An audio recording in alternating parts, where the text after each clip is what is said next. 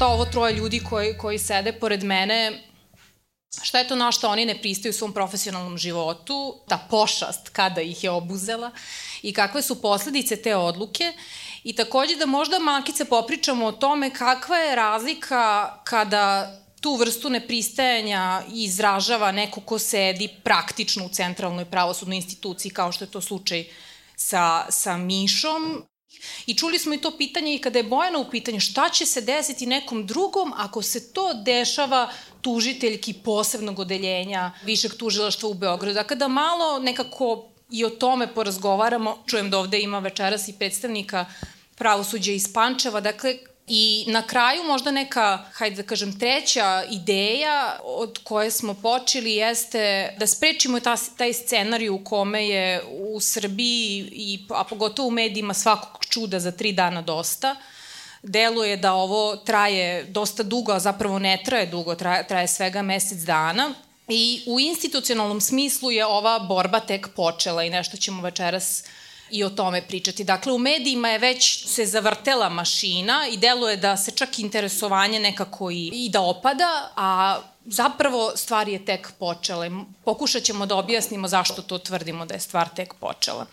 Nekako šta je bio taj okidač koji je vas doveo do toga da večera sedite ovde i čini mi se da su i koleginice i Paunović i Zorana Ćučić koristile te izraze dosta je dosta, postoji tačka trpljenja, postoji jedan trenutak kad se više ne može. Dakle, kad je kod vas počelo i koja je to bila prelomna tačka u kojoj ste rekli sad, sad je dosta? Evo, možemo da krenemo uh, od gospođe koja je dobila aplauz. Ja sam zaista uvek bila ovakva. I u tužilaštvu, ja ne znam sad koliko je ovde ima kolega i to znate, ali u tužilaštvu tužilac je taj koji dodeljuje vam predmet u rad. Tako da oni znaju vrlo dobro ko je od nas poslušan, ko nije poslušan, kome će koji predmet dati i ja prosto nikad nisam dobila neki predmet uh, gde je trebalo da se uradi nešto za nekog i tako dalje. I mene su oni zaobilazili i bilo je to lep sporazumni dogovor, mislim da se predmeti daju onome ko treba da se da. I uh, problem je kod ovog, kod uh, neki predmeta bio kada dobijete ranije, pa se neko kasnije zainteresuje, u momentu dodele prosto nisu znali da će biti bitan, pa je to malo problem kad dođe kod nekog nezgodno kao što sam ja. I ja sam u velikom broju predmeta tražila pisana, pisane naloge, što je jako problematično u tužilaštvu i time ste uvek taj pisani nalog dobijete posle tri meseca, četiri natezanja, za svo to vreme se vodi vama predmet neurađen, ispada da nećete raditi, vi u stvari nećete da uradite ono što su oni od vas tražili i vi uh, u pravosuđu se jako dobro zna ko je kakav i ta neka selekcija na te poslušne, manje poslušne se vrši od pripravničkih dana. Oni koji apsolutno možda nisu ni mogli još da, da izdrže te sisteme su i napuštali, odlazili su i u neke slobodnije profesije, advokaturu i nešto. Mi smo kroz te neke godine našli svoje mehanizme ovaj, kako u celom tom sistemu ostati e, nekako pošten i dosledan sebi. Ovaj, tako da za mene ovo nije, nije bila nikakva da promena velika. Ono što je bilo pro, e, što je za mene bilo čudno, mislim zahvaljujući Ceprisu, ja sam i pre dve godine davala neki intervju za njih Pisala sam ja i neke članke na, na, na ovaj, stranicama otvornih vrata pravosuđa. Neki su bili previše stručni, pa možda nisu bili zanimljivi. Govorila sam o tome šta sve ne valju u zakonu, zašto ne možemo dobro da rukovodimo krivičnim postupkom i neke konkretne stvari koje, ako bi bilo volje, bi mogli da se promene vrlo lako. Ti članci verovatno za neku širu narodnu masu nisu bili zanimljivi pre svega ovoga je bio moj članak o toj apatiji koja se u društvu dešava, dakle to je bio članak pre svega ovoga, ovaj, nešto što sam ja osetila da je meni užasno ovaj, teško i neke izgovore koje ja čujem od kolega za razlog nereagovanja ili pristajanja su meni bili poražavajući mogu da dođem, na primjer, malo kasnije na posao ili dobio sam parking mesto ili imam 2-3 hiljade veću platu ili bolje mi je da ćutim, neće me niko dirati ako budem ćutao i tako dalje. To su ne, nekako kad zaista zastanete, to su toliko male neke koristi da stvarno ne mogu da verujem da ako mogu da vas kupe za, za parking mesto ili za 2-3 hiljade ili dobro, ako ne slušate, dobit ćete malo više predmeta, prista, ok, odradite malo tih više predmeta. Kad malo zaista zastanete i stavite prst na čelo, ne, nije to nešto krupno s čime mogu da vas ucene. Meni je jako problematično što veliki broj ljudi ipak misli da je taj komfor i ta zona toliko bitna i toliko dobra i da će ne znam kako divno živeti u životu ako budu ćutali, a mi vidimo da celo društvo godinama ćuti da nikome nešto posebno nije dobro, da će ga kad tad na nekom mestu, da li privatno, da li poslovno, mislim, zakačiti taj, taj ne, neči ovaj bič, e, te, te, mislim, osionosti koje je svuda oko nas. To je prosto postalo sada masovno. Ja ne znam da li postoji neka institucija ili neko mesto gde na čelu nije neki bahati po pravilu neobrazovan, po pravilu uh, nevaspitan čovek koji prosto nekako matretira sve, sve oko sebe i to je rezultat tog našeg povlačenja. Ja sam u tom tekstu, ja sada čujem i kad se nama ovo dešava, taj neki mehanizam odbrane gde ljudi govore, čak i kolege, e, nije to naš problem, nas, nas se ne tiče to. Ja čujem kolege ovaj, iz nekih drugih tužilaštava govore šta se to nas tiče.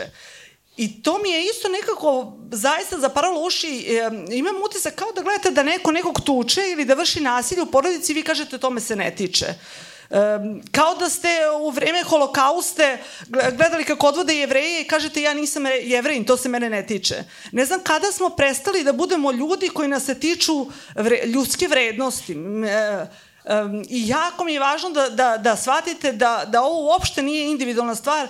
Mene apsolutno ne zanima ovaj, da se izborim, e, nama je plata slična, mene su čak ovi predmeti u opšte kriminalitetu, mogu vam reći, lakši za rad. To su uglavnom neke tipske prodaje droge, imate prodavca, nemate, apsolutno mi je i lakše da radim ovo, ovo što radim.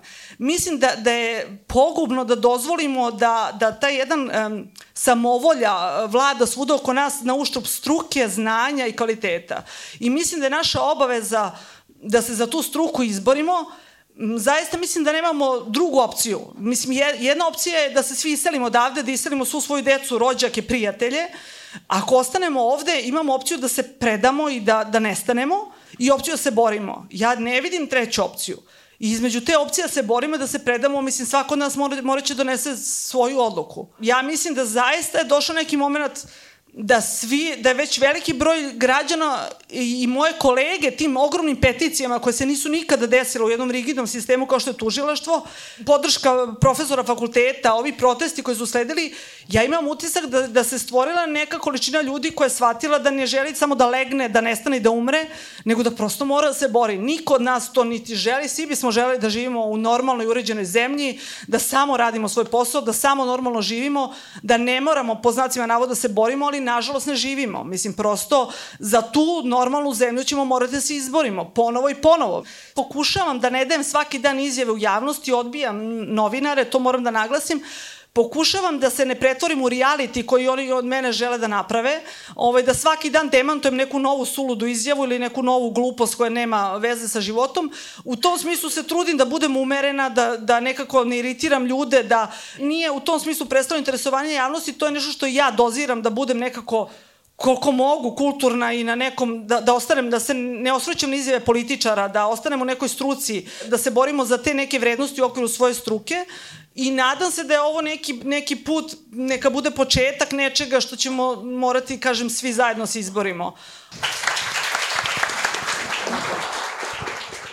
Da li vidiš neke faze, u, u, kako si se ti menjao kroz od trenutka kad si prvi put istupio javno i govorio o nekim stvarima, kako tvoje okruženje, da li se tu nešto, da li tu došlo do nekog razvoja događaja ili je sve vreme isto kao na početku? Mm -hmm.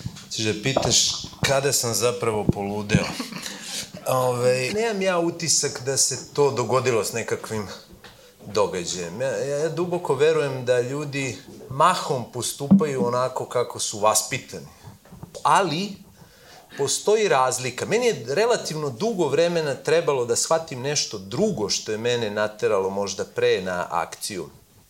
A to je da je u sistemu, u pravosuđu kod nas, ta klica pokornosti e, e, e, brižljivo sejana i negovana. To uopšte nije spontano. Da se pravosuđe neguje da bude ovakvo kakvo jeste da se ono brižljivo bira, zaliva i đubri da bi bilo upravo ovakvo kako jeste. I sad, u tom džubrenju i biranju se desi redovno da promakne nekakav primjera kakva je Bojana. Ne mogu oni u tim velikim sistemima, u tim kombinatima kakvo je pravosuđe, da ne omanu. Suviše su aljkavi i brljavi. I, i, I čudi me da mnogo češće se to ne dogodi, promakne im neko. To su defekti sistema, nažalost. I meni je trebalo vremena da to spoznam. Iskreno vam pričam, da shvatim koliko je to zapravo sistem koji je negovan da bude činovnički, činovnička svest, to je ono na čemu ja stalno govorim, koja se fundamentalno razlikuje od svesti intelektualca, kakvi bi trebalo da budu ljudi u pravosuđu, kakvi bi trebalo da budu sudije i tužioci, oni su birani, kalupljeni i, i, i, i, i postavljeni da budu činovnici. A činovnik ima svest da sluša, da se povinuje i da nepogrešivo zna i oseti na vreme odakle vetar duva. I to je toliko prisutno u tom sistemu da se sistem sam reprodukuje i održava. On je, kako danas vole da kaže, samoodrživi sistem. Tako bira principal pripravnika. Tako i bez potrebe da mu se kaže ovaj bira kandidata koga će dovesti. To je jedna stvar i druga je, na moju veliku žalost, to je poseban kanal te ozlojeđenosti moje kolega spram mene, je, nažalost, to, to kod sudija često viđam, to je policijska svest. Znate. To nije svest sudije. I kad postavite te koordinate, onda vam je potpuno jasno zašto, evo i sad mi Bojana kaže, danas od nje već beže na hodniku. Ja to imam deceniju i po. I na to sam se potpuno naviku i moram vam čak reći da to meni često, verovatno ovakvom nakaradnom i nakrivo nasađenom, kakav jesam prija. Jer znate, kad od vas beže ljudi, to može biti i ovako i onako svaćeno. Većini ljudi je to neprijatno, mi smo socijalna bića. Ali neretko kad od vas beže ljudi, oni vam čine uslugu, uveravam vas. Jer ne morate vi od njih da bežite. I ja se često osjećam, i to sam i njoj rekao da ću uskoro iskustiti, kao oni prvi bolesnici od AIDS-a.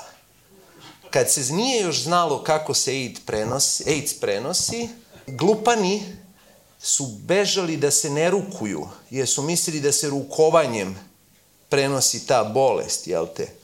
Ja sam siguran, i ovi prvi bolesnici koji su već znali da se tako ne prenosi, i njima je bilo lakše, jer sramota od ovih koji beže od njih misleći da se prenosi rukovanjem je bila verovatno veća od neprijatnosti što se neće sresti. I onda je bilo i jednima i drugima lakše. I ovim nesrećnicima koji su uspeli da izbegnu zarazu, i ovima koji su uspeli da izbegnu sramotu zbog tuđe sramote.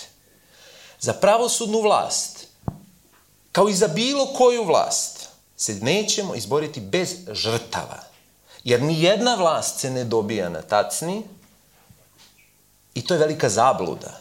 Neće izvršna vlast koja je dominantna tradicionalno u Srbiji, na prvo mesto izvršna vlast, onda i zakonodavna vlast, ni delić svoje vlasti predati tek tako. Da bi pravosuđe zaista uspostavilo makar približnu ravnotežu, ona mora podnese žrtve. Pojedinačne i kolektivne. To se neće dogoditi nikakvim a, a, a, proklamacijama o ovim ili onim reformama, obećanjima. Ne, za to će morate se podnesu žrtve u borbi za osvajanje pravosudne vlasti. Hvala Mišo. Uh, imam, imam dodatno pitanje za, za Ivana. Kad je tebe obuzela želja za borbom? Ali imam još dodatno pitanje uh, koje se naslanja malo na ovo što su rekli Miša i Bojana, a to je da vlada taj jedan opšti stav da advokati, oni uvek nešto protestuju samo za sebe. Taj esnavski neki pristup, ne znam, neće fiskalne kase ili neće da dele posao sa notarima i tako dalje i dosta se kritika čulo prethodnih godina na taj račun i sad odjednom se pojavljuju tri advokata koji organizuju protest uh, tužiteljkama, kako ste vi rekli, našim uh, laurama i dešava se šta? U stvari prvo vola bih da čujemo tebe i kako je došlo do te odluke, a onda i šta kažu kolege, uh, a šta kaže javnost koja je do sad tvrdila da vi samo za sebe protestujete. 2015. godine, znači pre 8 godina, prvi put kada sam ušao u sud i tužilaštvo, ovaj, ja sam ušao s nekim osjećajem, da kažem ovako, uzbuđenja prilično, kao da ulazim u hram. Evo, danas je osam godina i sve iluzije, sve zablude o srpskom pravosuđu, o sudu, o tužilaštvu, o sudskoj grani vlasti, o instituciji, onome što sam učio, sve se urušilo. I nekako stihijski, onako mic, mic po mic, mic po mic, paralelno sa tim mi smo imali neke procese u advokatskim komorama, pa su bili neki protesti na ulici, pa su se pojavili ovi famozni ovaj, javni izvršitelji, pa javni beležnici, pa i to obeležilo neke, neke turbulencije u našem, našem esnafu, oduzimanje nekih naših ovlašćenja, pravljenje jedne privilegovane kaste. Ja moram da podsjetim da svi mi ovde prisutni, a i oni koji nisu ovde, znamo kako se u Srbiji moglo postati javni izvršitelj i javni beležnik. Znači da je postojala neka prostorija u kojoj se to dogovaralo, da je postojalo neko koferče, neki avansi, e, neki modaliteti, neke knjigovođe koje ste morali da izaberete. Dakle, samo jedan privilegovan, uski krug ljudi mogao je da bude javni izvršitelj i javni beležnik. To je išlo do te mere da su se biografije tih ljudi krile. Balkanska istraživačka mreža BIRN je napravila bazu i vi kad pogledate iz kojih institucija su ti ljudi dolazili, kako su uzorkovani, kako su birani, kako su, da kažem, rukopoloženi na te funkcije, onda mi je jasno da je ova vlast izuzetno predano radila na tome da privatizuje i uzurpira jedan deo sudskih ovlašćenja, da napravi svoju kastu, da je poveri to i da od toga ima obilatu korist. Onda smo imali neka interna dešavanja u komori gde se vrata komore u Vojvodini razvaljuju pajserom. U Beogradu smo imali neke nabildovane momke, pripadnike Belivukove grupe koji su unajmljeni da obezbeđuju vrata u pristup advokatskoj komori Beograda. Onda smo imali neko preuzimanje vlasti u advokatskoj komori Beograda uz pomoć Nebojše Stefanović i Dijane Hrkalović, koja je ustoličila jednu, da kažem, ekipu u rukovodstvu advokatske komore Beograda i svi mi to znamo. I to se naročito zna danas kad se podvuče crta. A za sve to vreme mi smo imali razbijanje jednog udruženja, društva sudija, udruženja društva sudija, udruženja tužilaca i pravljenje jednog paralelnog udruženja na čijem čelu je bio, i evo danas je Nena Stefanović. Dakle, neki ljudi su uzorkovani, izabrani iz redova sudija, iz redova tužioca, da naprave udruženja, da lobiraju, da posvađaju kolege, da zakuvaju čorbu, da gostuju po Pinku, po Hepiju, po telegrafima, informerima i tako dalje i da pripreme jednu poziciju za sebe.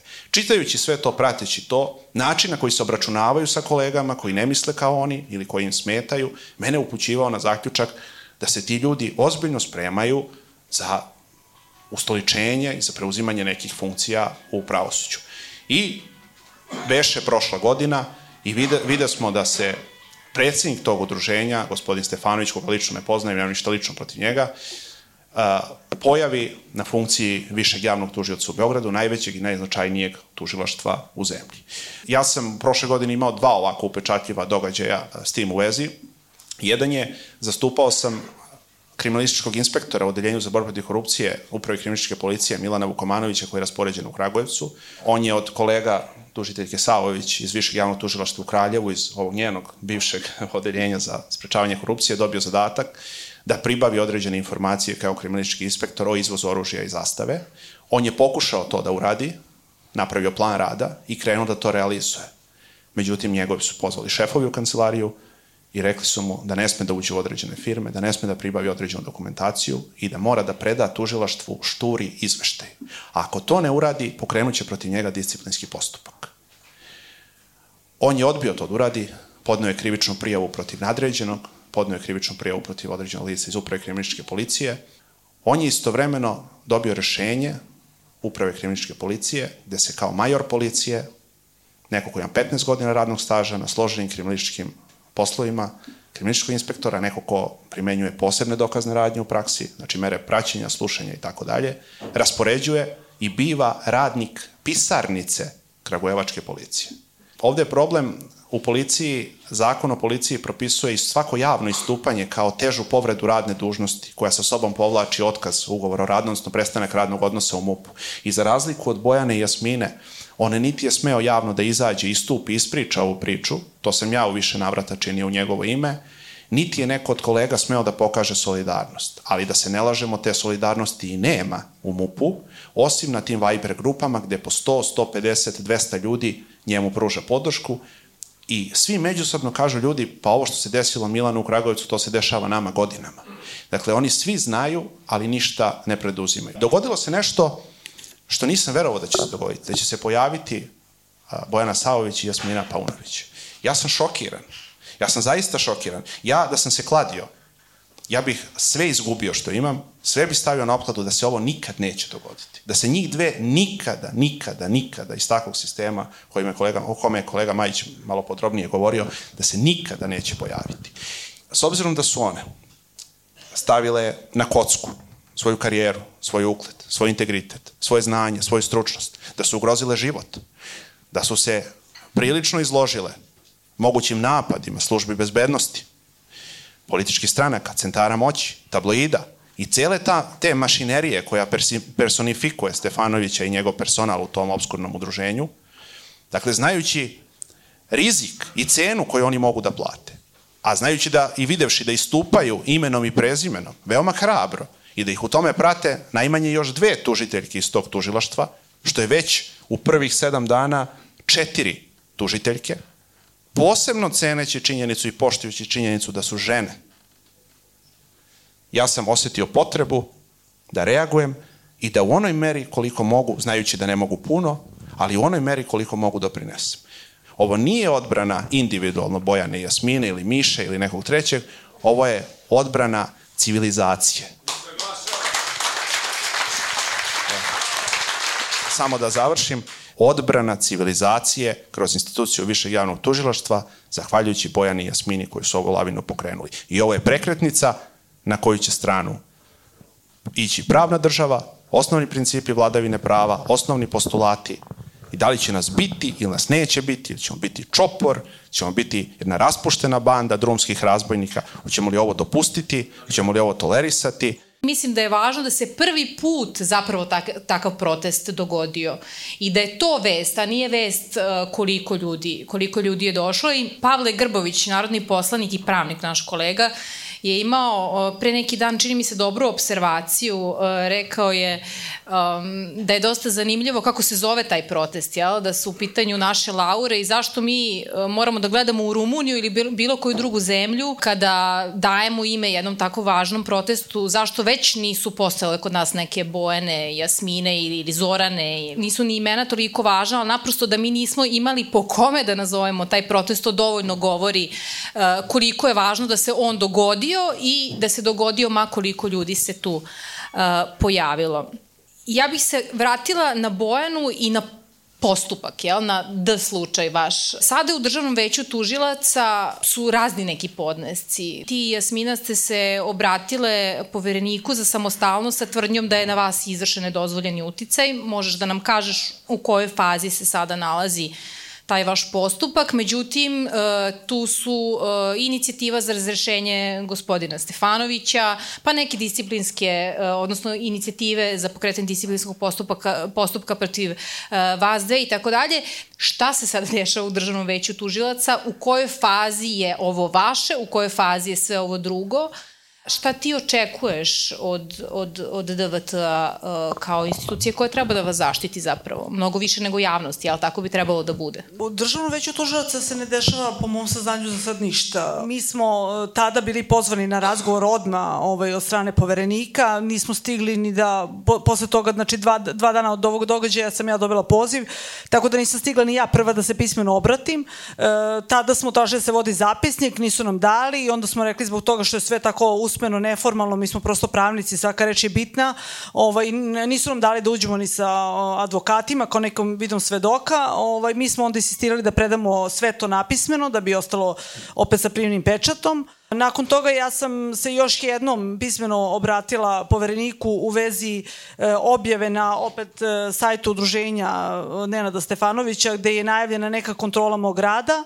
Ja sam čula da, da kolege koje su zadužene za to već unazad evo ovih mesec dana ovaj, gledaju svaki predmet mene i Jasmine. Ja nemam ništa protiv gledanja tog predmeta, prosto postoji zakonska procedura ko, ko može i po kom osnovu da vam vanredno vredno je vaš rad. Ta kontrola mora biti transparentna, ja moram biti uključena, moram da vidim ko ko šta kontroliše, da li neko vadi nešto iz tih predmeta, da li to nešto se ubacuje, Tako da sam se ja i povodom toga obratila ovaj povereniku. E, ja po mojim saznanjima, koliko sam iz medija videla da je, postoji više disciplinskih prijava koje su podnete ovaj, protiv Nenada Stefanovića u vezi različitih događaja i koliko je meni poznato, o, ništa od toga još nije odlučeno i ja mislim da će, e, da li će biti odlučeno ili neće, zavisit će samo od pritiska javnosti. Poverenik bi trebalo da, da reaguje preventivno, brzo. On nije sud, on ne mora da utvrđuje u tom smislu ne, nesporne činjenice. On je odavno morao doneti svoje stavove ovakve ili onakve, pa do njima raspravljamo, da li su u redu ili nisu. Ovo je to neko čutanje, je isto neki manir. Ja mislim da oni i očekuju od građana da, da zaboravimo, zato što mnogo ima afera, mnogo ima, kažem, svima nam je verovatno sumorni dosta i da su oni jako dobro shvatili da je dovoljno da prećute par dana i da će se prosto sve zaboraviti i ćutaće. Naravno da će ćutati ukoliko ne bude javnost insistirala na tome da rade svoj posao. Zaista u kratkom vremenskom periodu od mesec dana ta osionost koju si ti pominjala i zbog koje je sve ovo i počelo, zapravo polako, ali sigurno prelazi u neki u neku uh, komediju, ako ne, ne, mislim u neki žanr koji je dosta čudan. Uh, tu mislim na recimo ove prijave protiv vas dve zato što ste bile na sastanku u američkoj ambasadi, uh, pa je onda taj gospodin Spasić koji je podnao te prijave ispostavio se da je kad imao keca iz matematike, on se obratio isto američkoj ambasadi. Pa onda, ne znam, Transparentnost Srbija uh, traži uh, da, da vidi taj akt kojim si ti tražila da budeš premeštena uh, u drugo odeljenje, on onda više tužila što pritisnuto, jer ne može, jel, da, ne mogu da nađu taj dokument da ga antidatiraju, jel, ili već da falsifikuju tvoj potpis, onda kažu, ne, ona nije ovaj, tražila premešte, ali mi zapravo to nikad nismo ni rekli, a vi imate saopštenje od pre mesec dana gde oni ovaj, i u javnosti to saopštavaju i, i postoje prepiske vaše internet, dakle, kako to, tumačiš? Izvini, nije to interna prepiska, koliko sam videla, to nije interna prepiska, Transparentno Srbije je dostavila screenshot, uh, više tužaštvo ima Viber zvaničnu grupu sa novim novinarima. Da. Tako da je to saopštenje višeg tužilaštva koje je stavljeno da. da ima najmanje 30-50 novinara. Ja da. prosto ne mogu da verujem kako neko ko je saopštio tolikom broju novinara nešto gde, gde je ostao screenshot, ovaj može posle da kaže ne, mi nikada nismo rekli da je ona tražila svoj premešte. Mislim, mene su, kažem, zvali novinari da je to komentarišem, ja zaista je to toliki stepen absurda. Ako imate screenshot i poruk, ako imate javno saopštenje koje su svi videli da kažete da to nikada niste rekli, koji bi mogao da bude moj komentar? Na, ja nisam da. žela da dajem komentar. Ja sam rekla da. samo screenshotujete, vi, vi komentarišete, da, da li je potreban zdrav razum da se uopšte to komentariše? Kako taj, tu promenu, da kažem, žanra od te, tog, e, kako bih rekla, nasilja, otvorenog mobinga, nazovimo ga kako, kako god, do toga, ne, ne, mi zapravo to nikad nismo ni rekli, dakle, da li je to neka vrsta, da li je to pokazivanje slabosti, da li je to odstupanje? Nije, nije to pokazivanje slabosti, to je prosto kada se upetljate u laži, mislim, vi, vi samo dalje tonete, onako ste više upetljeni. Mi znamo koji radimo u pravosuđu, kada, kada hoćete da vidite da li neko laže, vi jednu osobu pitate više puta da vam ispriča neki događaj. I osoba koja laže svaki put ispriča nešto drugačije, jer prosto ne zna gde je slagala, prošli put zaboravi i stalno se petlja jer je laž nelogičnija i nelogičnija. Tako da, da samo vidim jednu tu, tu prosto neodbranjivu stvar. Ne, ne mislim da su ošte reterirali. Činjenica da je objavljuju to, to na svom udruženju, to najavu moje kontrole rada. Činjenica da oni čoveka koji je bio pozvan na proslavu naše službene nove godine, e, koji se slika u tužilaštvu, dobio zahvalnicu od tog udruženja, podnosi prijavu protiv nas bez jednog zakonskog osnova, on ne citira ni jedan pravilnik, niči član gde je to zabranjeno, ali prosto da nas onako malo zapljune, što sam ja i očekivala ovaj, od njega, vidi, vidi se da oni apsolutno ne odustaju. Svaki dan je neki novi napad i novi vid. Ovo je prosto, da kažem, zapetljavanje gde ja ne vidim da oni imaju uopšte neki, ne, ne, neku neprijatnost zbog toga. Mislim, nekog, nekog prosečnog čoveka bi bilo uh, užasno sramota, ali ovaj, kao što vidite, to je prosto opšta pojava svuda na, na, na javnoj sceni. Ne vidim da više iko pita, vi, vi čujete u javnom ovaj, uopšte diskursu da se stalno kaže neka mi dokažu. Prosto neki pitanje morala više ili neke odgovornosti obraza se više uopšte ne postavlja. Sad je samo dokaži mi, nađi mi, nacrtaj mi, daj mi papir, dokaži mi. Niko više nema, ne misli da treba ne, nešto zbog svog obraza i sramote da se povuče i da kaže ovaj, pobogu. Mislim, nije, nije samo valjda, valjda ono što je dokazano u postupku, valjda postoji, postoje neke norme, postoji neka sramota, postoji nešto ovaj, zbog čega bi trebalo da odstupiš, ali očigledno su oni to prezupčili odavno, mislim, mi to vidimo. Ovaj. Prelazim na, na Mišu koji je 10. maja 2017. godine u Ninu rekao u pravosuđi će se desiti pobuna, pa kaže osjećaju da više ne mogu sami sebe da pogledaju u ogledalo ako ne pokušaju da na mikroplanu menjaju stvari. To jesu mikropomaci, za sada nevidljivi golim okom, ali se dešavaju. Do pre izvesnih godina sam verovao da ne može baš, baš još mnogo gore, ali nažalost nisam bio u pravu. Imali smo mi i u mnogo težim istorijskim trenucima. U jedan od takvih obrta verujem kada je reč o pravosuđu, definitivno. Da li si, kada si pominjao ovu pobunu, mislio na nešto poput ovoga što se sada dešava ili na, da li si imao nešto drugo na umu? Ja sam bio i tada, a i sada ostao ubeđen da je, da je, da je, da je to toliko sve neprirodno, znate, da, da, da, da, da su ti odnosi unutar tog sistema toliko neprirodni, da čak i u sistemu koji sam malo preopisao, govoriš o tome da je, da je sastavljen od brižljivo biranih činovnika, e, da ne idem dalje u, u detalje, da će se i ta populacija u jednom trenutku reći ovo je, ovo je toliko nakaradno, dovode nam toliko e, besmislene ljude, e, potpuno smo obrnuli tu klepsidru, znači, ali doslovce u pravosuđu, što si gori, to si na višem mestu. I to je meni prosto bio pokazatelj da pre ili kasnije to po prirodnom toku stvari, znate, čak i dresirani e,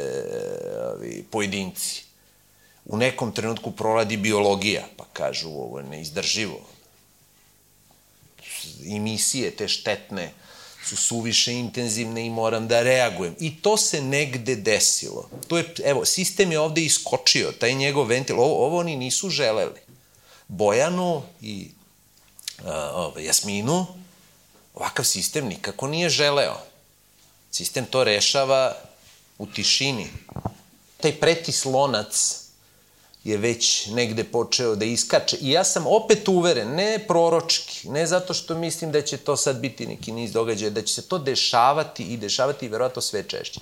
Sistemi takvog tipa imaju tu tendenciju da kad se pojavi neki talas, kad se on ra, malo raširi, onda se ohrabri sad sledeći ešalon. Znate, sad sledeći ešalon su ljudi čije, čije su crvene linije ipak malo niže postavljene. U jednoj knjizi koju svima toplo uvek preporučujem, nažalost, kao knjigu opomenu, a zove se Why Nation Fall, ili Zašto nacije propadaju, kao osnovni razlog ističu razaranje institucija empirijski pokazuju kako kada se razaraju institucije, to dovodi često i do nestanka tih sistema. Koliko je to kancer koji će nas pojesti i već nas je pojeo i, i, i koliko ćemo se probuditi nesposobni da bilo šta više učinimo jer je taj kancer pojeo već previše toga. Javnost koja je ovde više puta pomenuta je možda jedini trenutno, pošto institucije nemamo, jedini parainstitucionalni, da tako kažemo sada, e, nivo odbrane, koji može, makar u po nekom slučaju, da pritera one koji neće da rade svoj posao, koji su pojedeni da to negde i urade.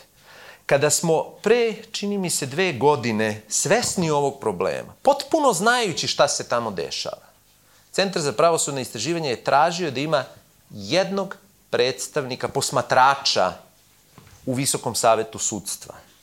Da bismo videli šta se tamo dešava, a pretpostavljali smo šta se tamo dešava, i da bismo o tome mogli da sačinjavamo određene izveštaje. Pri čemu je rad Visokog saveta sudstva javan – i državnog veća tužilaštva. Znate li šta je bio odgovor predsednice e, kasacionog suda? Prvi njen odgovor, mi, mi smo se zapanjili kad smo ga dobili, jer smo mislili da li je moguće da je ona pisala. Da ne možemo da imamo jednog predstavnika, to je već bio kraj 21. čini mi se godine, zato što je i dalje korona opasnost po javno zdravlje. Po javno zdravlje u toku. Pa mi smo onda opet napisali, ali ljudi, vas je tamo 11 u toj prostoriji, mi bismo jednog imali. S maskom, jednog. S maskom Ne može zbog korone. U sledećoj emisiji, kada sam sa tadašnjom predsednicom i sadašnjom društva sudija o ovome polemisao, koja je članica tog tela, i pitao je da li je moguće da ste nam onaj odgovor uputili, pa ne, pa vidjet ćemo, pa sad ćemo se dogovoriti i tako dalje. Ne, ne, sad, dajte nam odmah da prisustujemo tamo, jer znamo zašto to tražimo. Njen odgovor je bio, zimski period je istina bio, kaže, ali nemamo trenutno grejanje, da vas putim. Ja sam rekao, nikakav problem, mi donosimo grejalicu. I stolicu, rekao si I stolicu. Ali sam znao da nas neće pustiti unutra. A znate li zašto nas neće pustiti unutra? Zato što bismo videli to što pretpostavljamo da se tamo dešava. Zato što bi mnogo teže bilo tada onako praviti one, one spiskove, oni koji su prošli i onih koji nisu prošli. Znači, ponavljam, kad rasturite institucije jednog društva, ma kako ljudima to dosadno zvuče institucije, vi ste rasturili to društvo. I zato ljudi sve što rade i što pokušavaju da rade, gledaju da uvate vezu, pajser, šta kome pada na a to je na korak od anarhije.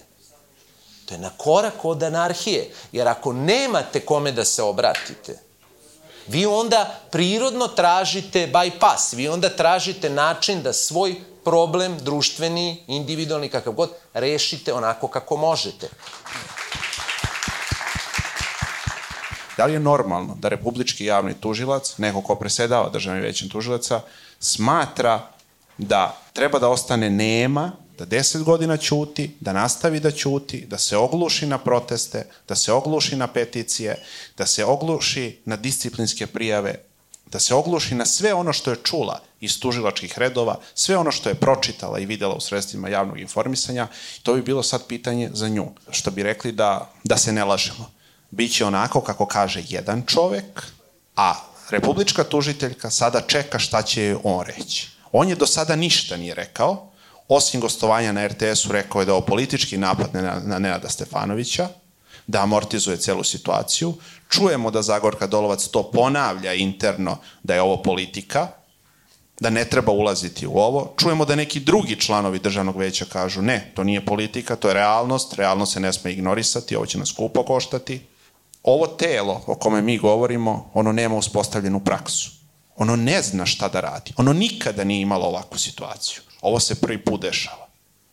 Jednostavno prvi put se dešava. I sad je samo pitanje, da li im se više isplati da ovo ignorišu ili im se isplati da ovu gangrenu preseku. Ali je ne mogu, nažalost, oni preseći, jer oni su taoci dnevne politike, izvršne vlasti, političkih stranaka i čoveka koji ih sve drži na okupu. Ako on bude procenio da mu je ovo balast, da mu je ovo teret, da mu je ovo teg oko vrata, on će imati individualne razgovore sa gospođom koja se krije s fasciklom kad izlazi iz njegovog kabineta, individualni razgovor sa samim Stefanovićem i videti gde da ih razmesti, gde da ih smesti, kako da ih prerasporedi ponovo, a da svi budu zadovoljni i svi budu namireni i da pokaže, da uspostavi jednu harmoniju u tom njihovom svetu, kako god se on, on zvao. To će naravno biti veliki poraz za, i za vladavinu prava, i za institucije, i za sve nas, ali ja ne vidim da će biti drugačije. Ja vidim da se i ta druga strana koja je okupljena oko Stefanovića prilično dobro organizuje. Ono što je meni, da kažem ovako malo tragikomično na prvi pogled, da imate šefa jednog udruženja tužilaca i sudija, a da nigde nemate sudije i tužilace koji stoji iza njega. Dakle, on nema nikoga osim kuma ko je stao u njegovu odbranu, ko je skupio neke potpise, neke peticije, pa rekao ne, ovih 37 ili 57 nisu u pravu, evo nas 87 to tvrdimo.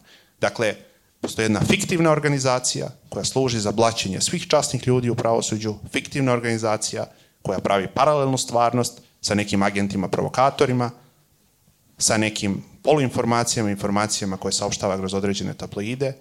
Svesni ste svi kako ovaj sistem funkcioniše. Znači, napravljen jedan bedem, napravljen jedan privid da je vlast neuništiva, da je nedodirljiva, da je, da je, da je to jedan ovaj zamak kome niko ne može da priđe i kad krene da curi, krenulo je da curi, setite se, dva policijska službenika, Trbović i Dumanović, rekli su mi smo ilegalno poslati u potočare.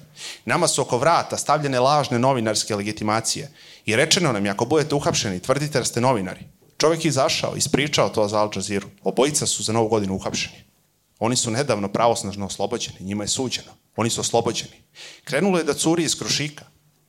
Izašao je radnik Krušika, Aleksandar Obradović, i rekao je, naši proizvodi prodaju se ispod proizvodne cene, uništava se fabrika. Šta mu se desilo? Uhapšenje. Znači, ova vlast je vrlo senzitivna, ovaj režim je vrlo senzitivan kad curi. To je za njih nedopustivo, to je linija koja se ne prelazi. E, ovde prvi put imamo izuzetak, jer šta raditi sa dve žene, šta raditi sa dva javna tužioca, treba da im skinete imunitet, treba da ih ocrnite, treba pripremite atmosferu za njihovo hapšenje, a to ja mislim da u ovoj situaciji to bilo nemoguće. I oni su napravili presedan. E sad je bitno samo da se taj presedan pelcuje i da nastavi da curi da nastavi da curi i da svako ko ima problem u svom radu i u vršenju sudijske ili tužilačke funkcije kaže meni je javno saveznik, meni su oni časni ljudi, saveznik koji su došli na one proteste, koji ovo razumeju, podržavaju, ja izlazim u javnost, ja imam problem, ja se ne plašim za svoju bezbednost, za svoju funkciju, za svoju porodicu. I mislim da su njih dve postavile standard i kad kažem da će se vreme u pravosuđu računati do pojave njih dve i od pojave njih dve, ja to zaista mislim i ja to obrazlažem na ovaj način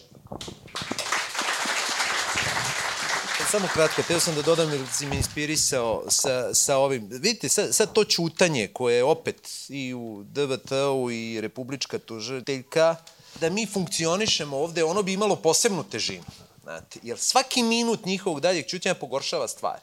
Šteta po javno tužilaštvo se direktno, uh, po ugled javnog tužilaštva kakav god, se narušava njihovim ćutanjem. I vi imate, sad da vas ne gnjavim, u, u, u tim disciplinskim procedurama, jedan od razloga zašto možete da, da, da disciplinski gonite nekog, da njihovi akti ili nečinjenja su doveli do nepoverenja javnosti, štete po ugled javnog tužilaštva i tako dalje i tako dalje. Znači, to što se oni prave mrtvi trenutno, to direktno ima konsekvence koje kada je reč o zamenicima javnih tužilaca i javnim tužiocima može biti osnov za razrešenje. I mislim da bi bilo dobro u narednom periodu možda i tome posvetiti pažnju koliko ovo ćutanje sada pogoršava zapravo stvari, jer i inače narušeni ugled javnog tužilaštva koji je na jako niskim granama, e, se, se sada dodatno narušava zato što ćutite go, zato što čekate ovo što kaže Ivan da vam se javi od ozgo šta da radite.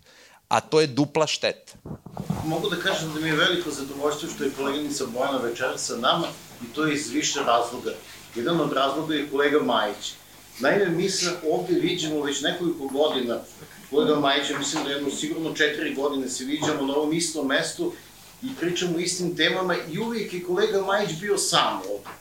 I ja sam se stalno pitao da li ću doživeti da se još neko iz pravosuđa pojavi pored kolege Majića da kaže pa dobro, evo ja, meni se probudila savjest, da ću bude tu, evo i konačno sam sada doživeo da i vi budete tu, sad, sad, sad, vas je dvoje. Inače, izražavam veliko poštovanje što ste imali hrabrosti, jer vama e, treba mnogo veće hrabrosti od kolege Majića zbog toga što radite u tužilaštvu, koje je tako strukturisano da od šefa, od tužilaca zavisi budućnost, rad i perspektiva i sve ostalo, dok to nije toliko veliki slučaj kod kolege Majića. E, ja sam, nažalost, poslednjih godina sa žaljenjem posmatrao, što kaže kolega Majić, razgradnju tužilaštva. Jako teško sam podnao ovu situaciju kad sam čitao u štampi da Nenad Stefanović u zgradu u Palati Pravde zaustavi kolegu Milovanovića i pita ga zašto mi si nisi javio. Ovo je ništa čuti. On zove sudsku stražu i kaže bacite ovoga napolje. To nikada nisam čuo ni u jednom tužilaštvu za ovih mojih 40 godina da tužilac izbacuje kolegu iz uh, zgrade. Nadalje, nikada nisam čuo da nekome od kolega, viši tužilac ili osnovni tužilac naredi da pozove policijskog inspektora da pita ko mu je dao informacije o Jovaniću u nekom krivičnom delu. To je strašno, pazite, to ni jedan tužilac savesta ne bi nikad uradio, odbio i takav nalog, na, nažalost, kod vas je to urađeno.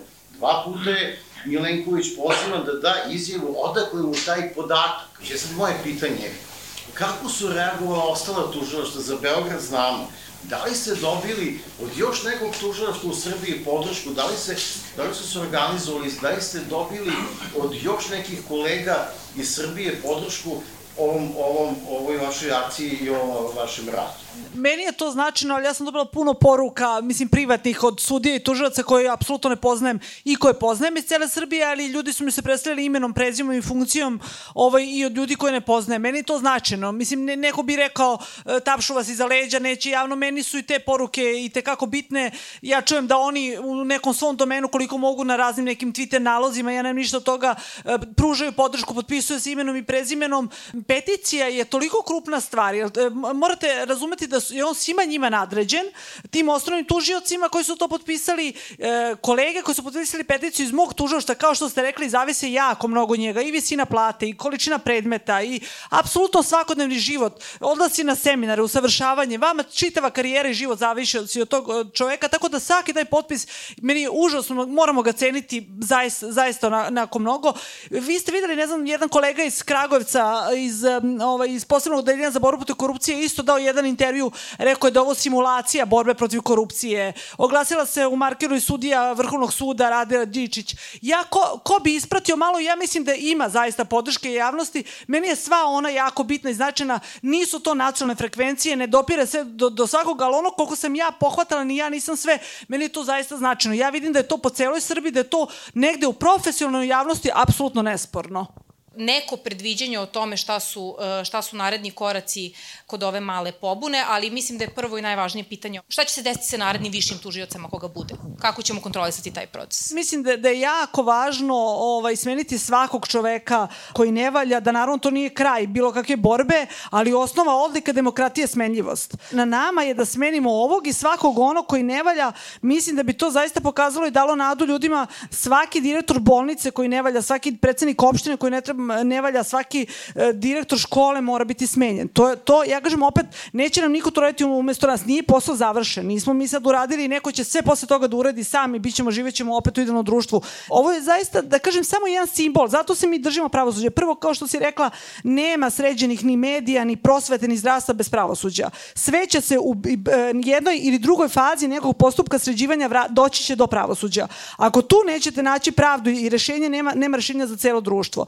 A A drugo, ovo je jedna tako važna funkcija koja, da kažem, tužilaštva koje pokriva najvažniji predmet u celoj zemlji, najveće tužilaštvo, 60% predmeta najvećeg organizovanog kriminala. Ako tu ne možemo da se izborimo za ne, neku, ovaj, da, da kažemo, smenu očigledno jednog osobe koja tu ne treba da sedi, kako ćemo se onda izboriti na, u nekom vrtiću za neki mobbing ili u nekoj, nekoj bolnici ili nekom manjem mestu? Ovo je prosto samo previše očigledno i bode oči, pa ovo nekako svako može da vidi jasnije koliko je bitno i važno, ali bi to trebalo da bude samo postrek da idemo dalje. I mislim da se zato oni toga i, i plaše.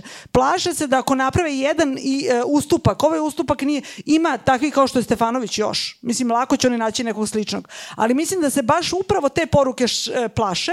Ako vam učinimo ovaj ustupak narodu, građanima, struci, pa tražit ćete nam i sledećeg lošeg da sklonimo. I, ali ja mislim da je baš zbog toga ta poruka jako važno da u tome istrajemo. Tužilaštvo i svega smo zaključili, ovoga čini mi se sad nema dileme, ta neka, nažalost, pretorijanska garda svakog političkog režima, poslednja odbrana sistema. A ne bi naravno smelo da bude tako. Posle njih dolaze samo vojska i, i, i, i policija. Ja sam puno puta rekao da kada bi mesec dana tužilaštvo radilo svoj posao kako treba, mi bismo imali potpuno neverovatno drugačiju sliku društva. Pomislite samo, ja sad neću razrađivati s vama ko bi bio u zatvoru, ko bi, bio, ko bi sve bio u zatvoru, ko bi bio u pritvoru, ko bi bio pod postupkom, ko bi bio na slobodi. Znači, to bi fundamentalno promenilo sliku ovog društva kada bi tužilaštvo radilo svoj posao. I to odmah da se razumemo, ne samo sada u ovoj vlasti, nego uopšte, ali sada naročito. I onda jasno vam je zašto neće pustiti tužilaštvo. Tužilaštvo mora da bude tu, na kratkom povodcu, sa proverenim kadrima, gde se ništa ovako ne dešava. Dakle, ovo što je gospodin rekao, potpuno se slažem, neće oni zato dozvoliti da se tu, i ako ne bude Stefanović, pojavi nekakav Che Guevara, jel te? To, to, je, to je besmisleno, to se neće dozvoliti. Ali, zašto je uprkos tome ovo jako važno? Pa upravo zato što se ova pukotina pojavila u njima najosetljivijem, uveravam vas, najosetljivijem segmentu sistema na koji su oni gotovo i zaboravili koliko je dresiran. Koliko je potpuno pacifikovan. Znate ono, imate nekog na koga više i ne razmišljate. Zna se da se tamo stvari odvijaju po ustaljenom mehanizmu. O tome ne treba da brinemo više. Tamo nema nikakve dileme. Kad se tu pojavi ovakva pukotina, utoliko je to značajnije, pa i po cenu ovoga što kažete da će oni brzo gledati da zašiju tu ranu nekakvom ljuta trava na ljutu ovaj, ranu, ali ovo nije zato za zanemarivanje. Ta pukotina se pojavila u oku sistema, a to je tužilaštvo. I toga svi moramo da budemo svesni i, i, i, i zato se i ja trudim i verujem i kolega Ninić da, da ovom događaju koji bi u iole redovnim okolnostima ne bi bilo ništa spektakularno. Dve tužiteljke su rekle nemoj brate da radiš nešto što je nezakonito, a mi radimo svoj posao. Međutim, u ovakvim društvima to je izuzetno, to je mnogo većeg značaja nego što realno bi možda bilo, jer ukazuje da ljudima i u tako našpanovanim dobro temperiranim klavirima, kao što je ono bilo, hoće da pukne žica, jer je gotovo, jer više dolazimo do, do kraja. Zato, zato mislim da uprkos ovome što ste rekli je to jako bitno. I zato mora da bude prepoznato i podržano.